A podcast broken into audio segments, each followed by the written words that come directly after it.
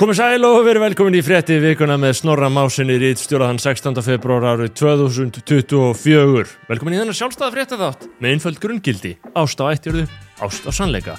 Við ætlum að fara yfir að helsta í vikunni. Uh, í fréttum á Íslandi og auðvitað út í heimi og það er mark, margt, mjög markverst og mjög áhugavert. Um, áður við vitum okkur alveg í þetta þá erum við auðvitað í samstarfi við öflug íslensk fyrirtæki og ég get ekki lagt næga áherslu að það hversu miklu máli það skiptir að öflug íslensk fyrirtæki leggja sitt að mörgum til frálsar fjölmjölar á Íslandi. Það er staðirinn málsins. Reykjavík Fótó ég hef kallað þetta sælikera verslun þess sem býr til efni uh, í svona víðum skilningi. Myndavelar, hljóð, ljós allar litlar smágræður á raunverulega ég, ekki, ég má ekki segja besta verðinu. Ég má það ekki, góðu verði. Mm, virkilega samkjöfnishæfu verði. Reykjavík fótó, fótó farðangaði úr búið lefni og reddaði þér græðum þeir kunna á þetta. Þótt Þorgumsson, byggingaveru vörslun löng, löng saga af ég verð að segja, betri þjónustu en á öðrum stöðum, sambarlegum stöðum. Byggingaveru vörslun sem hjálpaðir með allt mögulegt gólvefni, hljóðvist hljóðvistin hér. Í bóði Þótt Þorgumsson eða um, þannig verslun sem virkilega leysi málinn fyrir því að gera eitthvað á heimilinu eða á skrifstofunni byggingaveru verslun sem leysi málinn betri þjónusta. Ringdu fjarskiptafélag fólksins. Sko, ég hef sagt á þér. Ef að þú værir að spyrja Facebook hvað þú ættir að kaupa net, þá myndi einhver gáðaði nörd sem kann allt og veit allt. Kom og svara þér, ringdu það er besta félagið. Uh, betri verð en annars þar uh, betri þjónusta. Það er staðan ég má segja þetta. Þetta eru rannsónum kannanir sem sína þetta Myndkaup, myndkaup er öflugt íslenskt fyrirtæki sem aðstóðar Íslendinga við að kaupa rafmyndir. Nú eru margir að fylgjast með rafmyndir vegna þess að eh, ég held að bitcoin sem farið yfir 50.000 dólar það er að ná síðustu hæðum þar sem það var þegar það var hvað mest einhvern mann í 68.000 eða eitthvað svo leiðs. Þannig að bitcoin er svona, finnst mörgum verið að fara virkilega af stað aftur og þá spurja Íslendinga sig sem hafa áhugað þessu hvar þeir eiga að versla rafmyndir og ég sjálfur kaupi rafmyndir hjá myndkaupum eh, ég er í samstarfi við þá mæli með þjónustunni þeirra virkilega vönduð og tröst þjónusta að þetta snýst allt um tröst frétti vikunar eh, það er mislegt að frétta. Mislegt að frétta, við erum með Ísæl og Palestínu áfram. Það er hörmungar allar. Hörmungar í, á Reykjaneskaga þar sem að eh, ástandið er virkilega flókið.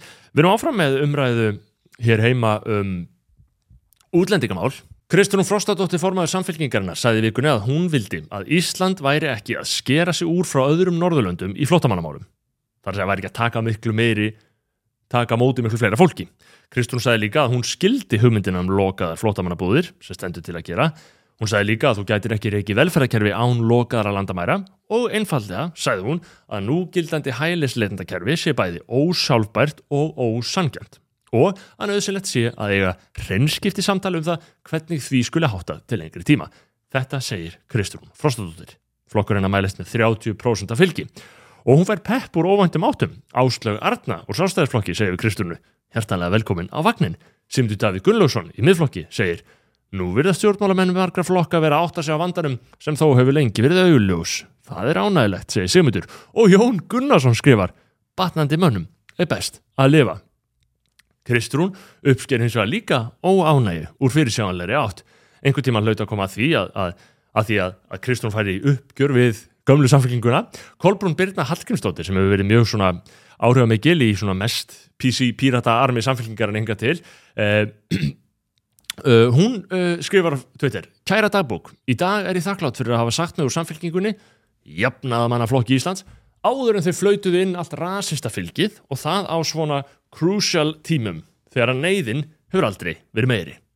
Já, það eru greinlega að skipta skoðanir um Kristrúnu Frostadóttir. Ég hefði áhugaði að vita hvað ykkur finnst kæra hlustendur, kæra áhörundur. Er þetta rasisma að flauta hjá Kristrúnu eða tímabæðir hugafarsbreyting hjá samfélkingunni? Það er stóra spurningin í þessu.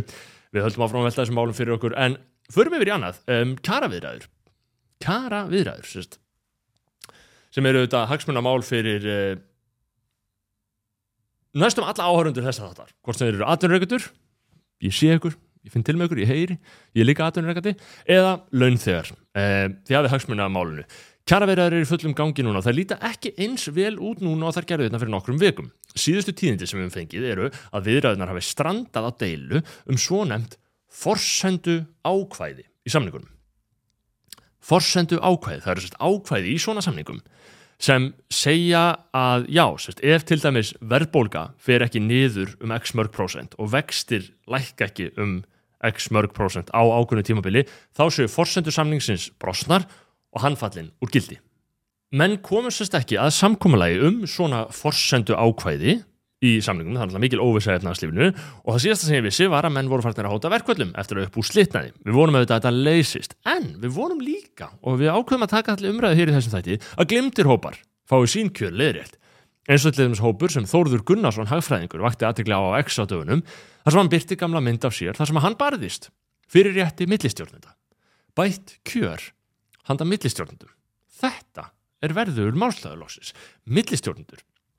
lásum við það í vikunni að Festi, félagi sem á N1 krónun á Elko, Festi er sannlega að svara þessu kalli. Það er verið að koma á kaupréttarkerfi fyrir alla fasta starfsmenn samstæðunar.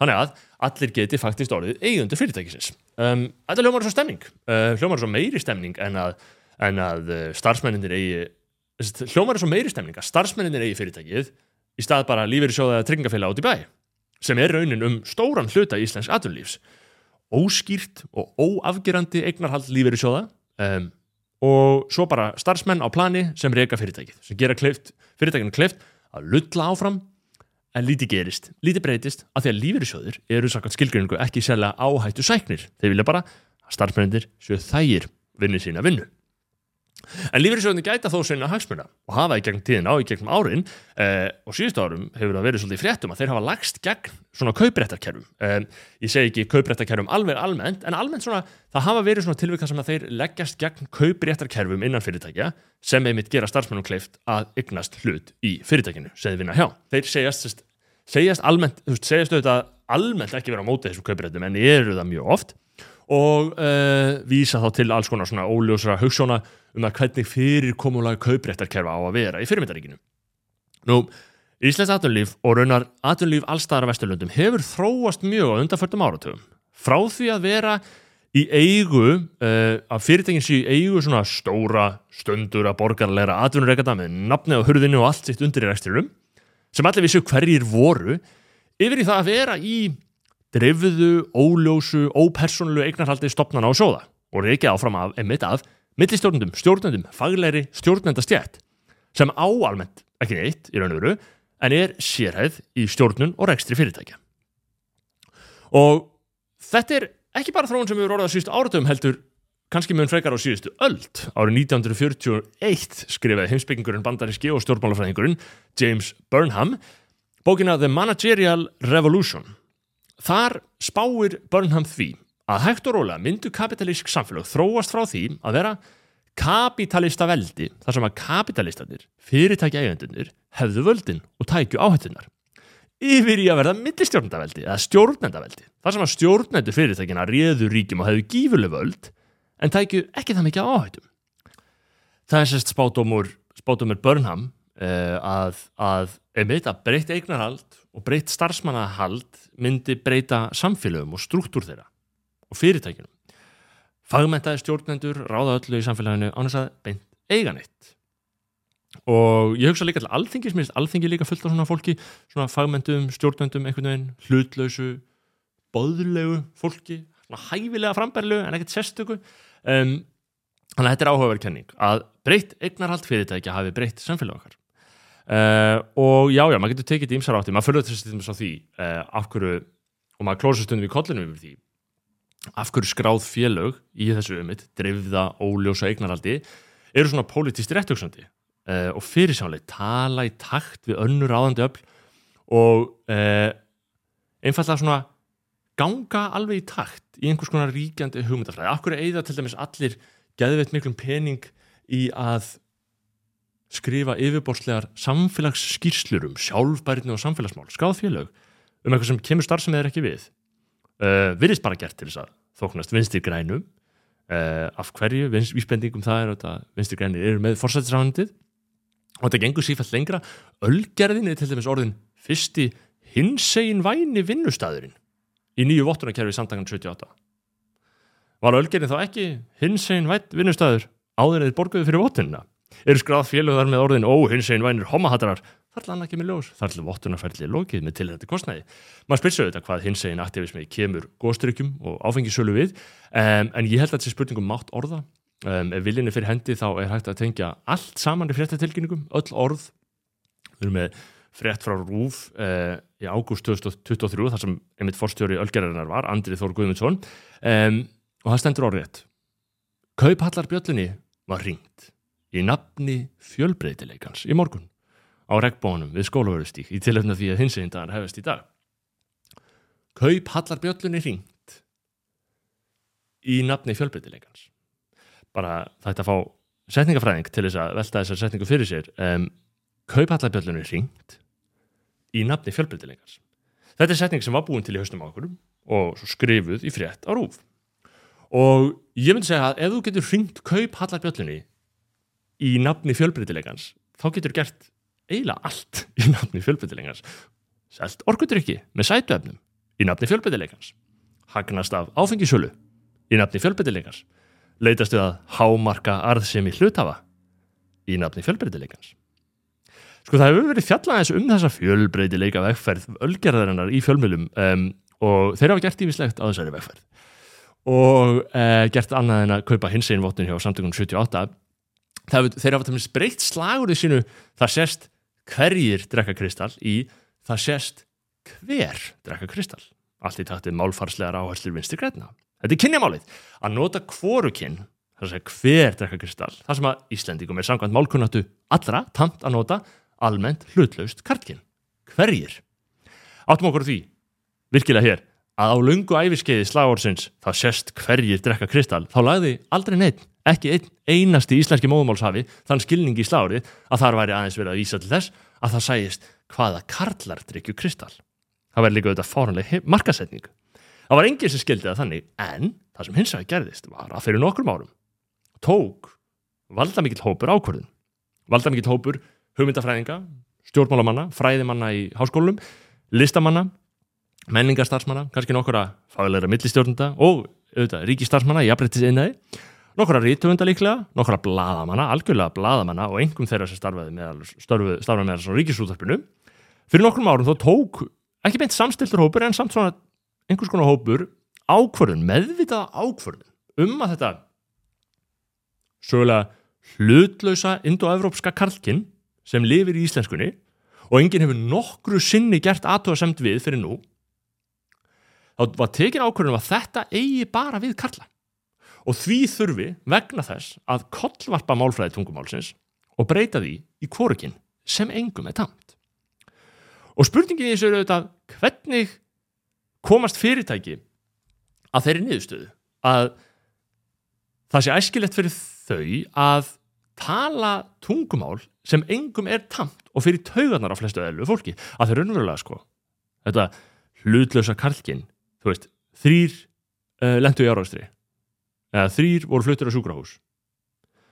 Það hugsaður enginn þegar hann heyrir þetta þrýr gaurar, eða þrýr kallar. Það hugsaður einfalla það hugsaður bara þrýr, þrýr, þetta er hlutlust þetta er kyn hlutlust, hins vegar. Og eins og við núna gert í fréttum til þess ríkisútvarsins að tala um þrjú voru flutt. En samkvæmt skilningi okkar þá þýðir þrjú að sannanlega hafi verið bæði kallar og konur í þessum hópi. Þetta sé blandaður hópur. Það er þrjú. Þrýr uh, það gefur ekki til kynna um kynnið og þess vegna er það raunverulega hlutlust um, þannig að við spyrjum af hverju myndi fyrirtæki breyta máli sínum yfir að vera eitthvað sem fólk kann sem, sem, sem stingur í stúf hjá fólki? Og svarið verður að vera það, það, það er ekkert annað en einhvern önnu nöðust sem kemst, kemst að er bara, að send, er bara það að þetta sendir skýr skilabóð með þessu þá merkir þig. Þú segir ég tala kynjamál Ég hlut af góðliðinu, ég er í liði forsættisáþurans. Ríkismiðlinn gefur tónin með því annars vegar nota kynjamál, eitt fjölmila, er raun og veru mjög fáur sem skrifa svona, nema rúf, og hins vegar með beinum fyrirmærum, eins og svona fyrirtum, kyn hlutlegs mál er viðskiptilega skinsamlegt. Viðskiptilega skinsamlegt, eða vilt fjárfæstingu á lífeyrisjónum, til dæmis. Stendur ekki fyrirtin en skilum þetta. Uh, skinsamlegt að vera í liði forsættisáþurans. Er þú í liði forsættisáþurans? Þú ert að spyrja þig ef þú ert atvinnureikandi eh, eða jafnvel bara starfsmæður sem vil halda vinnu hvað ert þú á sjálfbærni vegferðinni, ert þú með jafnlaunavottun, notar þú kynjamál í auglýsingum, ert þú að greiða skerfa á þínum rekstartekjum til samtakana 78 fyrir stórt fyrirtæki að kostar þessi hinsegin vottun ekki nema fjóra miljónir króna. Ertu tilbúin að borga? Þetta er hugmyndafræðilegur þrýstingur okkar tíma. Hann er ekkert grín, líklega hugsa flestir einfaldast að borga bara aðrir klóra sér í Leikskólamál við ætlum að fara við leikskólamál. Ég sá frétt um barn sem er að fara að komast fyrst á leikskóla uh, núna, þryggjára uh, þessi eina ljósmynd sem ég sjáið sem Heiðrún Lind Martensdóttir lögmaður og framkvæmtastjóri samtaka fyrirtæki í Sjárúti deildi á dögunum uh, á Twitter árið 2022 byrtist hjá mér á síðinu á dögunum og ég lækaði. Þetta er sérst mynd frá 2018 kostningar fyrir borgina 2018 og þarna er börnum 12 til 18 mánuða lofa leikskólaplási ef dagur kemst til valda og hér eru við árið 2024 tveimur kostningum eftir að þessu var lofað og uh, nokkrum árum og menn teljast hefnir ef þeir var að fá, fá leikskólaplási í borginni við 18 mánuðaldin margir uh, við tekja mánuðabilið hvenar á þetta breytast? hvernig verður þessu breyt? menn tala um að það sé vallan eitt heimskulegar sem er hægt að gera en að reyna sama hlutin tvísar eftir sömu aðferð og búast við nýri niðurstöðum það virðist verið það sem borgin hefur verið að gera. E, þannig að við spyrjum mun nýr borgarstjóri breyta því? Einar Þorstensson um, í styri pallborði með Einari og Þórtir Kolbrún og Kristúrun Frostdóttur á viðskiptaþingi í síðustu viku. Við skulum kíkja þess að umræðum leikskólamál þar sem Einar leggur til að farna séu nýja leiðir í þessum álum Þannig að hérna eh, ég að meina fyrirtækin hafa hagsmuna því að fá starfsfólk tilbaka, starfsfólkið fóreldra vilja fara út á vinnumarkaðin aftur, uh, fyrir en kannski uh, er börnunum fyrir bestu, en, en gott og vel, þetta er það sem að fólkið vil, uh, eru hérna fyrirtæki sem að vilja leggja til húsnæði, ráða til sín fagfólk á, á sviði skólamála, sjálfstættrekkana skóla og borgin, borgar með. Ég hef ekki séð neitt minnast á það að, að það sé ábyrðað atvinnulífsins sem að krefst þess að fá þessi blás, að þau sínir frumkvæði því að taka þátt. Nei, nú er þú náttúrulega tekið, já, þú tekið með að degi og þannig að það hljómar eins og þú sett að einhver leiti minna viðkomir en hann en til dæmis eins og Hildur Björnstóttir hefur talað fyrir að, að hafa sest, leikskóla sem eru tengdar í vinnustöðum og slíku, eru þá tilbúin að skoða þannig leiðir? Skoða þannig leiðir. Ég meina, mér finnst að, að fyrst að krafan er svona mikil frá atvinnulífunni, frá launþegarhefingunni, frá foreldrum, er þetta þá ekki eitthvað svona samfélagsleit átak og við ættum að vera ofinn fyrir öllum mögulegum leiðum til þess að brúa bilið?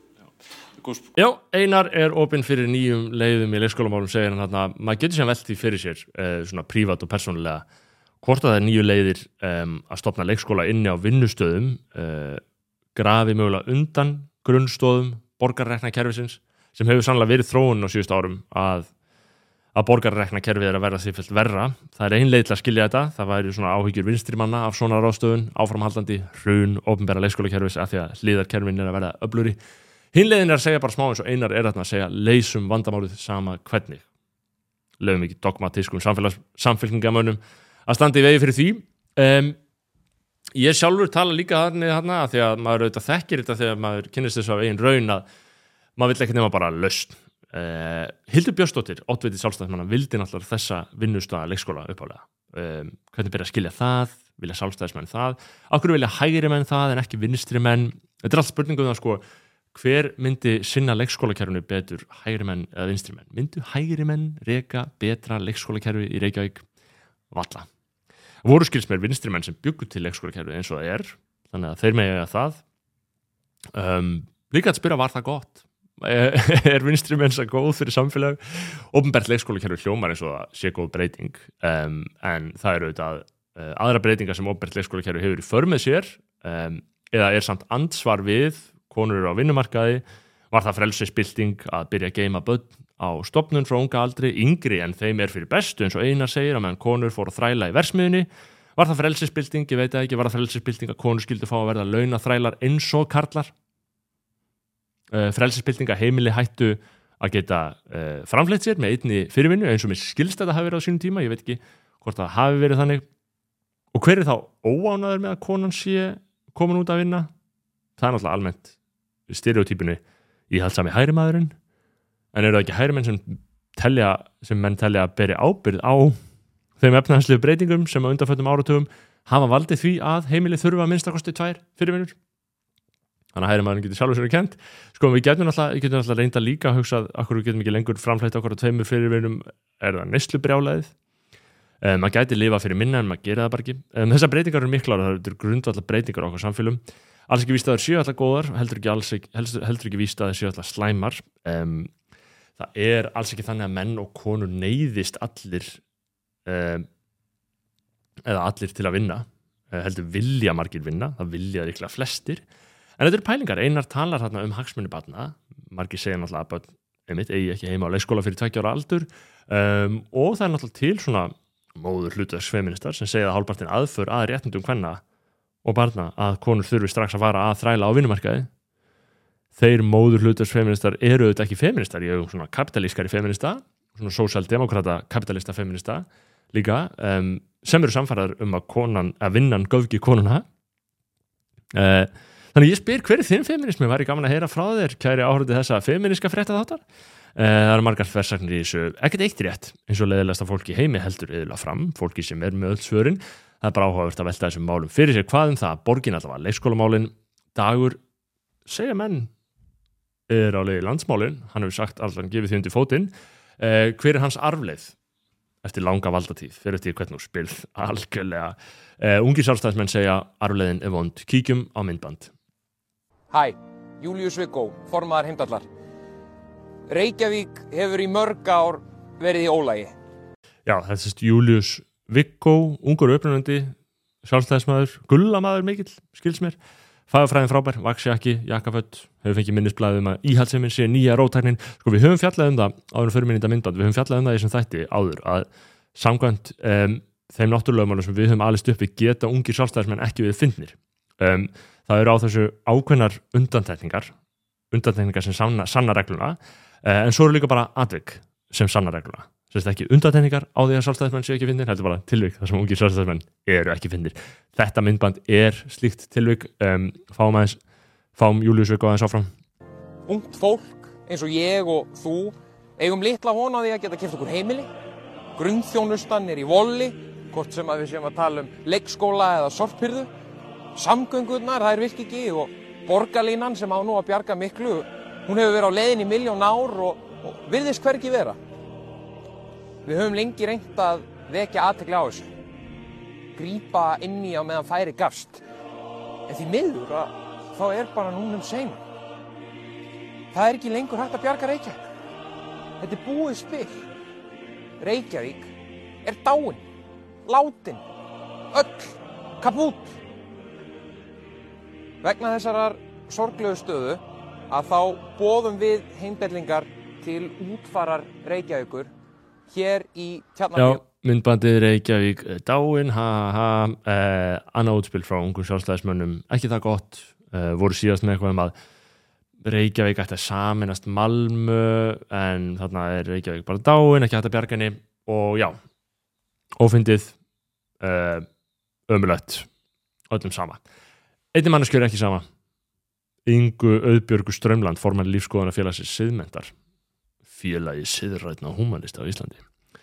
Inga Auðbjörg Strömland eh, setur þetta ófinna grín ungu sjálfstæðismanna í allt annað samhengi og nokkuð óvænt samhengi í Facebook status Inga skrifar um myndbandið.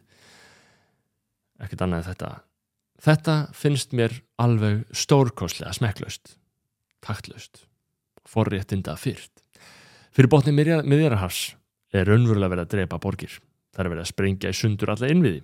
Húsnæði, sjúkrahús, vegi, skóla og allt sem við eigum í hrönnum. Um, það, það er verið að murka sko, og eins og ég segi tengingin er það sem vekur mína aðdegli í þessu. Ég er hérna hærtalega sammálaði að það sem er að gerast fyrir botni miðjarahars er viðbjöður heigulskapur að drepa konur og börn. Varnalösar konur og börn það er einhver mesti heigulskapur sem maðurinn getur orðið upp í sað og bera fórta með það í alla staði en tengingin sko, þú veist, þetta er ömulega myndband til sálstæðmönnum og bara beint í bara að já þetta er hérna taktlöst út af þessu. Og hún skrifar á hann það að heimdellingar spili út þessu útspili sem að öðrum tíma geti verið brosleg og sniðu leið til að vekja aðtekla málstæðsinn þegar það er þjóðamór í gangi á gasa kjarnar algjörlega heimsmynd þessa hóps. Þau sjálf eru í forgrunni og þau horfa ekki einu svona í kringu sig á þennu þau íta á rekk. Takið þetta út tendrið ljós fyrir fórnalömb raunverulegra mannréttindabróta, ekki forréttinda fólks sem þarf að býða viku eftir sorpyrðu í snjó, snjóstormi. Beini sjónum ykkar að mannslifunum sem tapast fyrir augum ykkar okkar eða, ef ykkur hugnast það ekki pólitíst, þegið þið þá bara í smástund á meðan þessi stað er. Já, sko þetta skrifar Inga Strömland til ungra sálstæðsmanna, takið þessa gaggrinni út og tendrið ljós fyrir fórnarömb raunverulegra mannindabróta. Þeir eru það. Sko fyrst hugsaði ég hvernig í ósköpunum er hægt að blanda þessum taumur málum saman sem eru svo augljóslega gössamlega ótengt. Það er eiginlega ekki hægt nema ef þetta pyrrar þig út af þinni pólitík og þá leti ég aðeins betur í stöðu uppfærslu yngu uh, þar sem að stendur Reykjavík er einn mesta velmögunar og forréttindaborg veraldar. Hún er ekki fullkomin, en almennt búum við hér við nánast fullkomið öryggi, réttindi, innviði og grunnþjónustu. Og öll þessi atrið eru jafnvel ekkert síðri en í nágranna sveitafélögum. Þó að Reykjavíkuborg og hinga til dag og B. Eggertsson hafi hinga til verið einhvers konar blóra bökull fyrir allt sem út að ber. Og þá fór ég að segja, já, einmitt. Eh, Googlaða, mér sínist Inga hafa verið á listasamfélkingarinnar. Þannig að hún er í þeim business að verja meira hlutin í borginni uh, ber hana saman við nágranna sveitafélagin sko, sjálfur ég ólst upp og var alltaf vinstrimæður sko, og þá fannst mér alltaf uh, mér fannst alltaf uh, ömulu pælingar hærimanna vera bara svona eintóm flokkshotlusta í staðis að hugsa sjálfstætt og einhvern veginn greina samfélagi sjálfstætt. Og, og þær eru það hjá hjá leiðilegum sjálfstæðismennum, þær eru bara eindóm flokksölda, en með aldrinum er ég að fara að sjá það að vinstri menn eru alveg jafn umurlega flokksöldir. Reykjavík er ekki fullkominn, auðvitað má, auðvitað má gera betur en ekki með svona myndböndu þetta er, þetta er bara spurningum að uh, kæfa umræðina Inga Strömland segir hún. Ekki með svona myndböndum. Siðrætt humanismi, uh, hún er sérst, hjá siðment, siðrætt humanismi ég er þarna sjálfur ferndist í borgarlega uh, ég ferðist borgarlega, ég get alveg verið ofið með það, ég þarna fór villur vegar skráði mig úr þjóðkirkjuna á sín tíma skráði mig aftur í hana þegar ég sá ljósið á ný drottin er minn hyrðir uh, ég var viðskila við hörðina drottin sótti mig aftur og ég kom heim.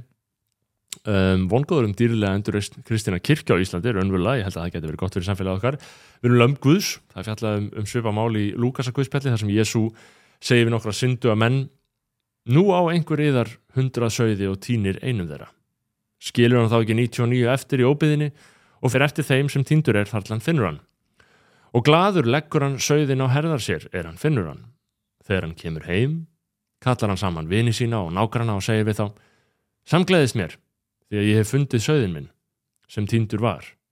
Ég segi yður, þannig verður meiri fögnuður á himni yfir einum syndara sem gerur yðrun en yfir 99 réttlátum sem ekki hafa yðrunar þörf þetta segir biblíunum uh, það er biblían eins og ég segi, ég týndist úr hjörðinni kom aftur í hérna kristnu hjörð. Við gleðumst meira yfir einum syndara sem gjörur yðrun en 99 réttlátum sem hafa ekki yðrunar þörf þetta er kristilegu bóðskapur sem hæfur okkar tímum. Það er fyrirgefningin, ber ekki mikið á henni.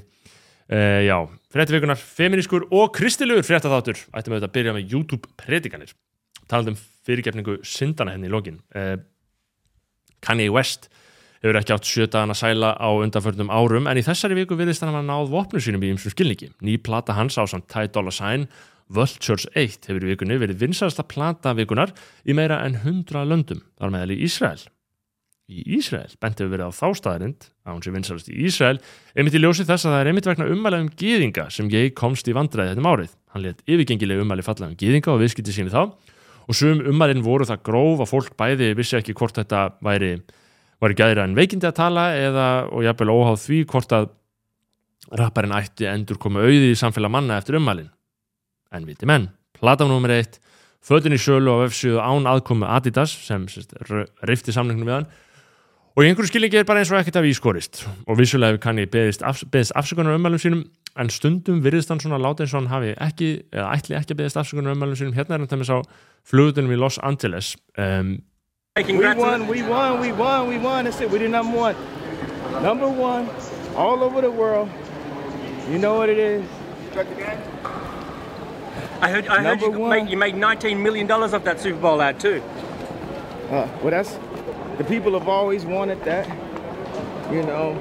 And I went to different companies, and they would never let me bring it like that. It was always ways that they were blocking us from hitting the prices. So I had to leave from those companies, and you know, I was two two months. I'm gonna just be honest with y'all. I was two months from going bankrupt. Really? And I put everything I had into it. We moved to Italy. We moved to the factories, and we survived. We survived through the cancellation. We're back number one. Do you think the For the controversy helped you? It wasn't about the controversy. It was about the ability to say how you felt out loud. And if I didn't have the various skill sets of music and clothing and a fan base, they would have been able to destroy me. But because we had all those skill sets, somehow I'm here inside of this universe, able to fight. You know what I mean? What do you have to say to people who resent your success based on some things you've said they disagree with? That's the whole thing. They got the right to their opinion. I got the right to my opinion. You understand what I'm saying? We Yeah. all have the rights to our opinions, but so many people will lose their jobs, lose their careers for taking the steps that we took. You know, we, we went down for like a year and a half. True. Then go ahead with all that. Do you take back any of the anti-Semitic stuff you might have said? Black people can't be anti-Semitic. We are Jew. I You understand think- what I'm saying? We are Jew. I think so, so, so cool, so cool out.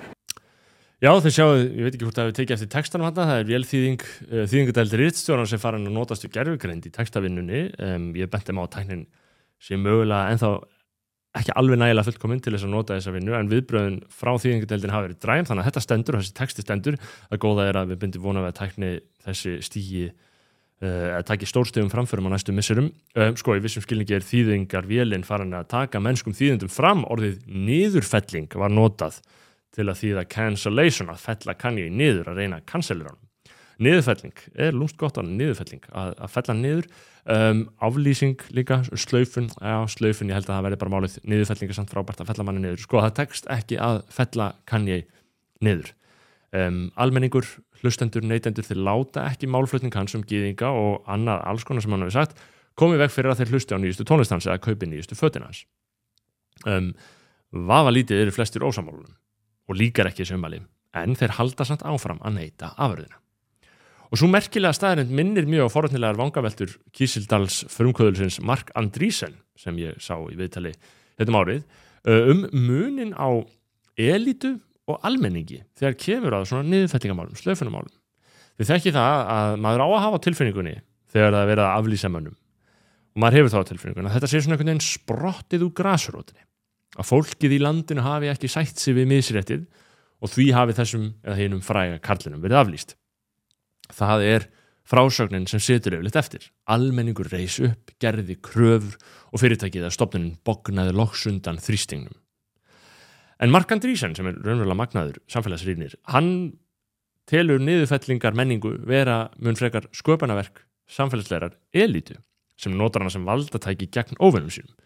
En að hluti af trikkinu sé að láta niðurfellingar, slöfanir, ef við alltaf líta út fyrir að þær sjö sprotnar af réttlætiskend alþýðunar. Fáum brot frá Andrísen aftur með, með velþýðingu. one by one. So do you think the public is less tolerant than they used to be or more tolerant? Well, the systems that uh, I've, I'm not going to be careful here. I think the um, the large institution systems Yes. are not tolerant of what the public tells them they shouldn't be tolerant of. Um, and so, if there's enough noise, if there's enough noise in the mob, I think institutions bow out. And here I'm referring not just to universe. They, they essentially say, okay, they let the cancellation proceed, Right. or they and maybe they're the maybe they're the gavel that comes down, but but they're not the the lever that got the thing going. And so I'm not just thinking about universities. I'm also thinking about advertisers. I'm thinking about um, the big movie houses that um, cancel a film that a given actor might be in because they had something in their personal life that's still getting worked out. I'm thinking about people who um, are in a legal process that's not yet resolved, but the public has decided they're a bad person, et cetera. My question is: Are we really talking about the public? Uh, I, I, agree, I agree with your question, and I'm going to come back to it. But I, I'm going to, so I'm going to examine one part of your question, which is: Is this really the public we're talking about? And and I would just say Exhibit A is who is the current front runner uh, for the Republican nomination um, today. The public, at least on one side of the political aisle, seems very on board, right? Um, number two, like, look, uh, you know, there's a certain musician who, like, you know, flew too close to the sun, blew himself to smithereens. He's still hitting all-time highs on uh, uh, music streams every month. The public seems fine. Like, I, I think the public might. I, I would argue the public is actually more open to these things than it actually maybe ever has been. Um, and we, we could talk about why that's the case. I, I think it's a it's a differentiation, and this is what, what your question was aiming at. But it's a differentiation between the public and the elites. Um, and so so so I my view is everything that you just described is an elite phenomenon, um, and actually the public is very much not on board with it. Hmm, interesting. And, and, and, and so what's actually happening is the division. what- What's happened is the public and the elites have gapped out. Já, slöfunamenningin. Getur verið að hún sé ekki frá almenningi komin. Heldur mögulega mun frekar einhvers konar elitu, fjölmiðla elitu, stjórnmála elitu, samfélagsmiðla, aktivista elitu, jafnvel viðskipta elitu, menningar elitu. Að það sé þessi elita sem vilji slaufa óæskilu fólki til að tryggja eigin völd, styrkja eigin stöðu. En þetta sé ekki allt runnið undan rifjum réttugsandi almennings með sterkan siðferðis áttavita sem er misbúðið. Hvernig ákveðnir aðlar tala eða hegða sér. Það er mjög áhugavert að leiða hugan að þessu. Eh, Hver á frumkvæðið að slaufunamenningunni? Af því ef ég ætti að finna upplýsingar um það hvað almenningi finnst um stóru slaufunamálum sem hérna hafa verið á undanfjöndum árum eh, þá getum við skoða kommentakerun í, kommentakerunum á Facebook og svona hvað er fólk að segja þar? Er það brjálað yfir haugðun viðkomandi? Nei. Það er yfir brjálað yfir slaufuninni. Þannig að almenningi finnst það. Einhverjum öðrum finnst eitthvað annað. Þetta er áhugavert, væga sagt. Við komst ekki lengra með þetta að sinni. Kæru, hlustendur, áhörundur, lesendur, áskrifundur rittstjórans, uh, það eru auðvitað áskrifundur rittstjórans sem við þykir hvað vænst um. Uh, við komst ekki lengra með þetta að sinni. Ég minni á styrtaræðila og samstagsæðila þessa fréttaþáttar. Uh, Þótt Þorgumsson ringdu Reykjavík fótó og mynd kaup. Uh, ég minni ykkur á að ef að ykkur þóknast það efni sem hér er framreitt að fara inn á rítstjóru.is og styðja við verkefnið á, með því að fara í áskrift og þá fáið líka alls konar sérstætt efni uh, að öðru leiti þá uh, hveti ég ykkur til að hafa hugföst kjöror þessa fréttaþáttar, þessa feminiska kristilega fréttaþáttar ást á ættjörðu ást á sannleika við sjáumst hér í næstu viku. Þá fyrir þá, Guði bless ykkur